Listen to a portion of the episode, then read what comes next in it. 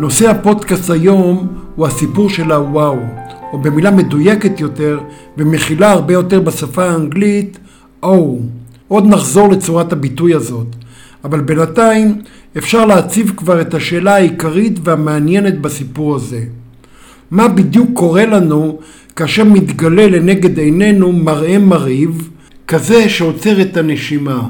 על פי מחקרים מדעיים אחרונים, מסתבר כי מראה ה-O מחולל בנו שינויים מהותיים, פיזיולוגיים ונפשיים כאחד, או במשפט קצר, עושה לנו טוב, הרבה טוב.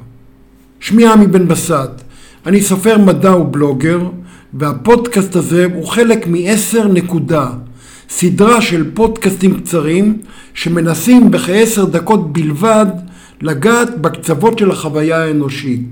מין תחנת תדלוק של רעיונות באוקטן גבוה, וגם של רשימות וסיפורי סף בתחומי המדע והטכנולוגיה, הפילוסופיה וההיסטוריה של העבר והעתיד. זהו, מתחילים. או היא מילה קצרה ועזת ביטוי. קשה לתרגם אותה לעברית.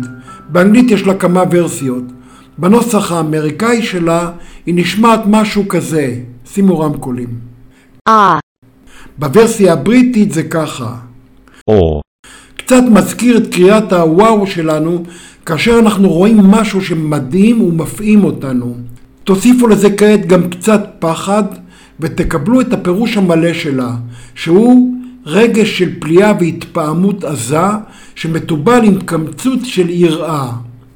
היראה אגב מגיעה מהעבר ומהאמונה המקובלת לפיה תחושת ה-O קשורה באירוע שבו נוכחת ישות אלוהית. מה גורם לתחושה הזאת? הרשימה ארוכה וגם לזה נגיע, אבל אפשר כבר לציין כי מראות טבע מפעימים מככבים בראש הרשימה. דמו למשל מה עושה לכם קטע וידאו שמצולם למשל מהחלל ומראה כלפי מטה פסגת הר געש שמכוסה עננים שלפתע מתפרץ וענני הגזים הלוהטים בוקעים מתוך העננים ויוצרים מראה של פטריה מרהיבה. התגובות הפיזיולוגיות למראה האור הן שונות אצל כל אחת ואחד. זה יכול להיות אור ברווז, הצמרמורת הזאת באור, לסת שמוטה, קצת דמעות או אולי עצירת נשימה. אלא שמסתבר שהתגובות שלנו הן הרבה הרבה יותר מזה. כאשר אנחנו מתפעמים עד כלות, קורים מסתבר דברים מעניינים הרבה יותר.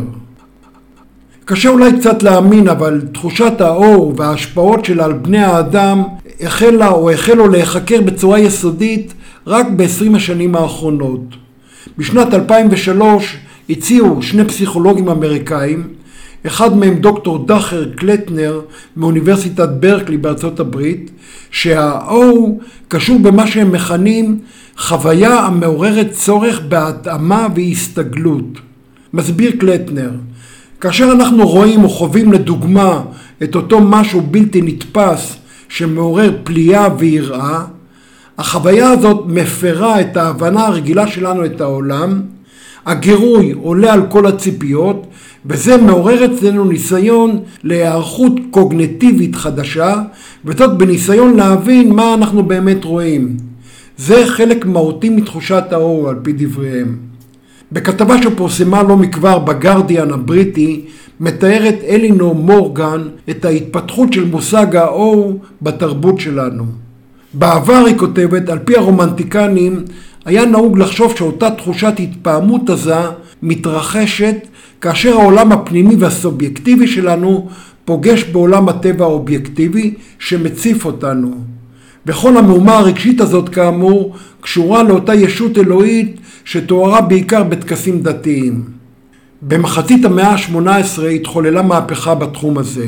הפילוסוף האירי הידוע אדמונד ברג טוען שתחושת האור לא מופיעה או נוכחת רק במהלך האירוע הדתי, אלא גם בחוויות היום-יום שלנו. וזה יכול להיות למשל, זה כבר במילים שלי, שמיעת מוזיקה, התבוננות בנימה והרוגים של עלי ירוק, או בהבלחה של ברק בין העננים בשמיים. כאמור, האור זה לא רק אור ברווז. לפני כמה שנים פרסם דוקטור קלטנר, ללא ספק אגב אחד החוקרים המובילים בתחום הזה, מאמר שבו הוא מסביר את המנגנון שהפך לדעתו את ה-O לחלק בלתי נפרד מהרפרטואר הרגשי של המין שלנו.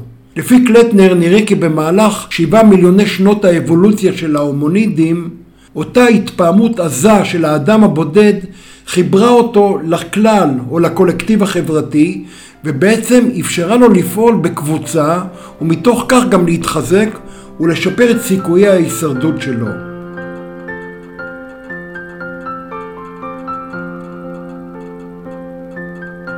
במהלך שורה של ניסיונות שערכו דוקטור קלטנר וקבוצות מחקר אחרות, נמצא כי חוויית ההתפעמות והיראה שלהם הביאה עימה תופעות כגון הקטנת האגו והחשיבות העצמית, רצון לסייע לאחרים וגם נכונות יתר לשתף ואפילו נדיבות רבה יותר.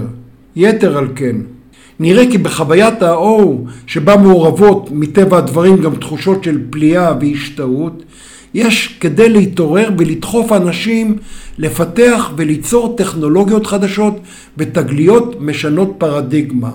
וואו. הממצאים בתחום הרפואה לא פחות מפתיעים.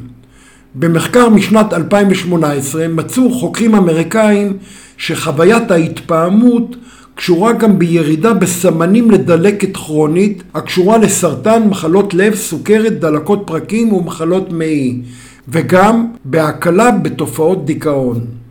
מחקר חדש יותר מצא שתחושת האור גם מעודדת מצבים של מה שהחוקרים מכנים התעלות עצמית ומסייעת לאנשים להתקרב לאני האותנטי שלהם.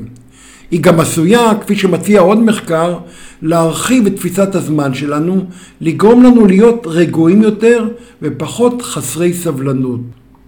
כל הממצאים הללו, צריך לומר, באים בתקופה מורכבת במיוחד. האמת היא שקשה קצת להתפעם כאשר הסמארטפונים שלנו, עם האלגוריתמים המתוחכמים שלהם, מנהלים מלחמה עקשנית על תשומת הלב שלנו ומרתקים את המבטים שלנו למסך הקטן בכל רגע פנוי.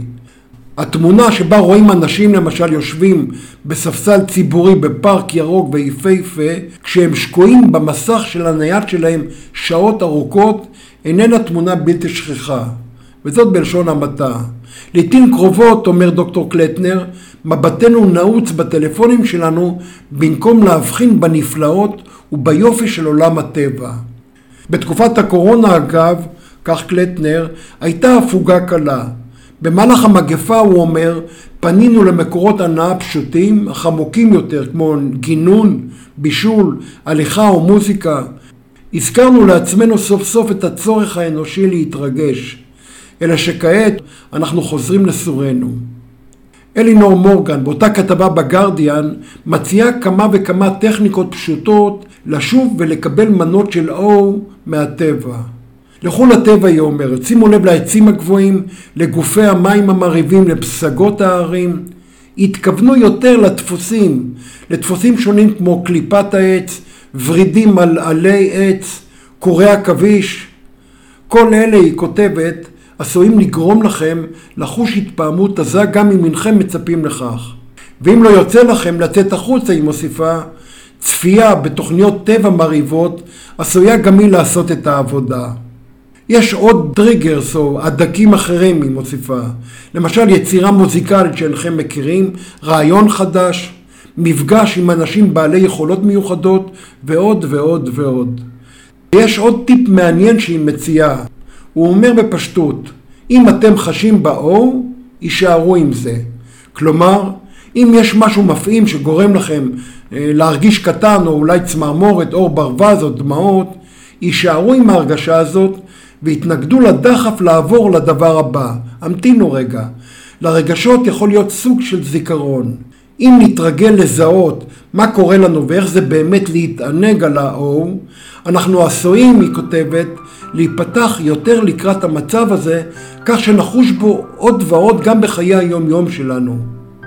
וזה צריך לומר נשמע מצוין. למה שלא תנסו את זה?